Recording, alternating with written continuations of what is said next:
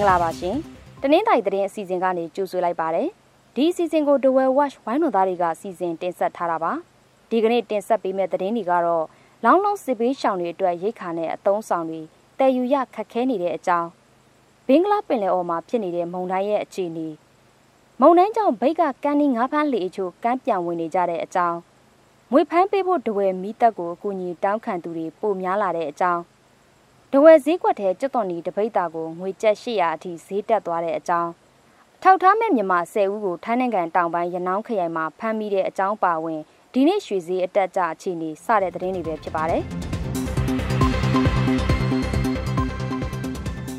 စစ်ကောင်စီတပ်ကတင်းတင်းကြပ်ကြပ်စစ်ဆေးနေတာကြောင့်လောင်းလုံးကစစ်ဘေးရှောင်တွေအတွက်စားနပ်ရိက္ခာနဲ့အသုံးအဆောင်တွေတည်ယူရခက်ခဲနေပါတယ်။ ပြီးခဲ့တဲ့မတ်လတုန်းကလောင်းလုံးမြို့နယ်ရှိကျေးရွာတွေကိုစစ်ကောင်စီတပ်ကစစ်ကြောင်းထိုးဝင်ရောက်ပြီးနေအိမ်ရာချီမီးရှို့ဖျက်ဆီးခဲ့ပါတယ်။ဒီလိုစစ်ကြောင်းထိုးချိန်မှာဒေသခံတွေလည်းထွက်ပြေးတင်းရှောင်ခဲ့ရပြီးပြစ်တက်ခံရသူတွေလည်းရှိခဲ့တာပါ။ဧပြီလကုန်ထိစည်ရင်းတွေအရ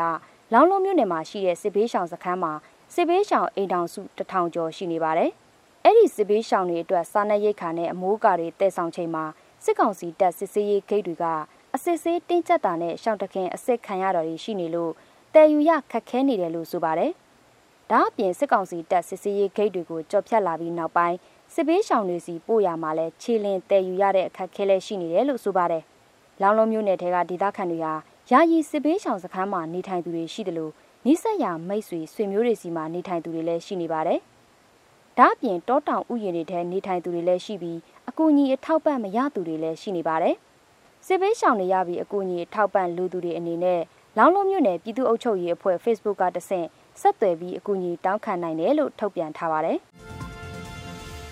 ဘင်္ဂလားပင်လယ်အော်မှာဖြစ်နေတဲ့မုန်တိုင်းငယ်ဟာဒီနေ့ညနေမှာစိုက်ကလုန်းမုန်တိုင်းအဖြစ်ကိုရောက်သွားနိုင်တယ်လို့မိုးဇလာဌာနကထုတ်ပြန်ထားပါတယ်။အဲ့ဒီမုန်တိုင်းဟာမြမကန်ယူတန်းကိုဥတီရွှေလျားနိုင်လို့လိမ္မော်ရောင်အဆင့်သတ်မှတ်ထားပါတယ်။မေလ12ရက်နေ့မှာတော့အားလွန်ပြင်းတဲ့ဆိုင်ကလုန်းမုန်တိုင်းဖြစ်ကိုရောက်နိုင်တယ်လို့မိုးဇလာကခန့်မှန်းထားတာပါ အဲ့ဒီမုန်တိုင်းဟာမေလ14ရက်နေ့မှာဘင်္ဂလားဒေ့ရှ်နိုင်ငံကော့ပဇားမြို့နဲ့ရခိုင်ကမ်းရိုးတန်းဒေသကြောက်ဖြူမြို့ကြားကဖျက်ကျော်ဝင်ရောက်နိုင်တယ်လို့ဆိုပါတယ်မုန်တိုင်းအရှိန်ကြောင့်မေလ17ရက်ကနေ15ရက်အတွင်းတနင်္သာရီတိုင်းအပါအဝင်တိုင်းနယ်ပြည်နယ်အချို့မှာမိုးထစ်ချုံရွာမယ်လို့ဆိုပါတယ်ဒါအပြင်မုတ်တမကွေမွန်တနင်္သာရီကမ်းရိုးတန်းတစ်လျှောက်နဲ့ကမ်းလွန်ပင်လယ်ပြင်မှာတခါတရံမိုးတက်လေပြင်းကျရောက်ပြီးလှိုင်းကြီးနိုင်တယ်လို့ထုတ်ပြန်ထားပါတယ်။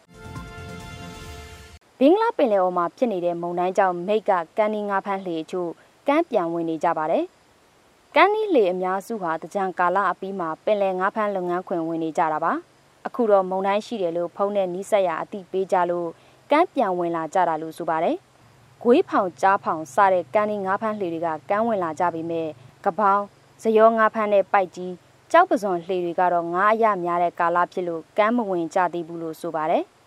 ကမ်းပြန်ဝင်ကြတဲ့လှေတွေဟာလှေထွက်ကုန်ကြစရိတ်မကာမိတဲ့အခြေအနေနဲ့ကြုံတွေ့နေရတယ်လို့ကမ်းနီးလှေပိုင်ရှင်တွေကညှိတွားကြပါတယ်။ဒဝဲမှာမွေဖမ်းပေးဖို့မိသက်တပ်ဖွဲ့ကိုအကူအညီတောင်းခံသူတွေအရင်နှစ်တွေကထပ်ပိုများလာပါတယ်။အခုနှစ်ဆန်းလေးလတာကာလအတွင်းမွေ23កောင်ဖမ်းပေးခဲ့ရတယ်လို့ဒဝဲခရိုင်မိသက်တပ်ဖွဲ့စီကသိရပါတယ်။2020ပြည့်နှစ်ကတော့တစ်နှစ်တာကာလအတွင်းမွေဖမ်းပိတ်ဖို့အကူအညီတောင်းခံတာ17ကြိမ်ပဲရှိပြီး မွေအကောင့်ရေး30ကျော်ဖမ်းပေးခဲ့တာပါဖမ်းပေးခဲ့ရတဲ့မွေအမျိုးအစားတွေကငန်းဆောင်မွေမွေဟောက်မွေစိမ်းလင်းမွေနဲ့စပကြီးမွေတွေဖြစ်တယ်လို့ဆိုပါတယ်ဖမ်းပြီးတဲ့မွေတွေကိုလူသူကင်းရှင်းပြီးအရရကင်းတဲ့နေရာတွေမှာပြန်လှုပ်ပေးခဲ့တယ်လို့ဆိုပါတယ်ဒဝဲဈေးကွက်ထဲကျွတ်တော်နီတပိတ်တာကိုငွေကျပ်800အထိဈေးတက်သွားပါတယ်။ဧပြီလကုန်ကကြက်တော်နီတပိတ်တာကိုကျပ်2000လောက်ပေါက်ဈေးရှိရာကမေလ9ရက်နေ့မှာတော့2800ဖြစ်လာတယ်လို့ဆိုပါတယ်။ ကြက်တော်နီကိုပြပတင်ပို့နေတဲ့အတွက်အခုလိုဈေးတက်လာတာလို့ဆိုပါတယ်။ကြက်တော်ငရုတ်စတဲ့မိဖို့ကြောင့်သုံးပစ္စည်းတွေကိုရန်ကုန်ဈေးကွက်မှာဝယ်ယူပြီးဒဝယ်ဒေသမှာပြန်လည်ရောင်းချကြတာပါ။ကော်တောင်းကတဆင့်တရားမဝင်ဝင်ရောက်လာသူတွေအပါအဝင် အထောက်ထားမဲ့မြန်မာ10ဦးကိုထိုင်းနိုင်ငံတောင်ပိုင်းရနောင်းခရိုင်မှာဖမ်းမိခဲ့တယ်လို့ထိုင်းအာဏာပိုင်တွေကထုတ်ပြန်ပါတယ်။တရားမဝင်မြန်မာတွေကိုမတူညီတဲ့နေရာ၃ခုမှာဖမ်းမိခဲ့တာပါ မေလ9ရက်နေ့ကနေဇက်ကဝင်လာတဲ့မြန်မာအလုပ်သမား6ဦးကိုထိုင်းပွဲစားတဦးကခြေလင်ခေါ်လာပြီးနောက်ပွဲစားလာခေါ်တာစောင့်နေချိန်မှာဖမ်းဆီးခဲ့တာလို့ဆိုပါတယ်ထိုင်းပွဲစားကလောအခအဖြစ်စိတ်ကြွစေ12လုံးရရှိတယ်လို့ထွက်ဆိုပြီးမူရစ်စေဝါပါလက်ဝယ်တွေ့ရှိရတယ်လို့ဆိုပါတယ်ဖမ်းမိတဲ့မြန်မာအလုပ်သမားတွေဟာစူရတ်ဌာနီခရိုင်ကိုသွားမှာဖြစ်ပြီးတတယောက်ကိုဘတ်3000ပေးရတယ်လို့ဆိုပါတယ်။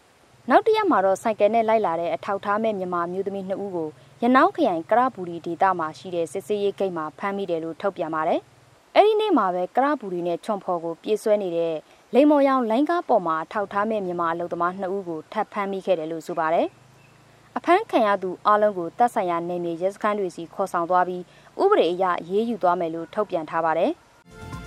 ။နောက်ဆုံးတစ်ပုတ်အနေနဲ့ရွှေဈေးနဲ့ထိုင်းဘတ်ဈေးအတက်အကျအခြေအနေကိုတင်ဆက်သွားပါမယ်။အခောက်ရွှေဈေးဟာဈေးတန်းအမြင့်မှာအတက်အကျနည်းနည်းနဲ့ဈေးဖွင့်ထားပြီး မနေ့ကထက်ကျပ်9000ဈေးတက်သွားပါတယ်။တဝက်ဈေးကွက်ထဲအခောက်ရွှေတစ်ကြက်သားကိုကျပ်သိန်း30နဲ့ရောင်းချနေတာပါ။ဗတ်ဈေးကတော့ဆက်တိုက်တက်နေပြီးထိုင်းငွေတစ်ပတ်ကို85ကျပ်စွန်းစွန်းဈေးဖွင့်ထားပါတယ်။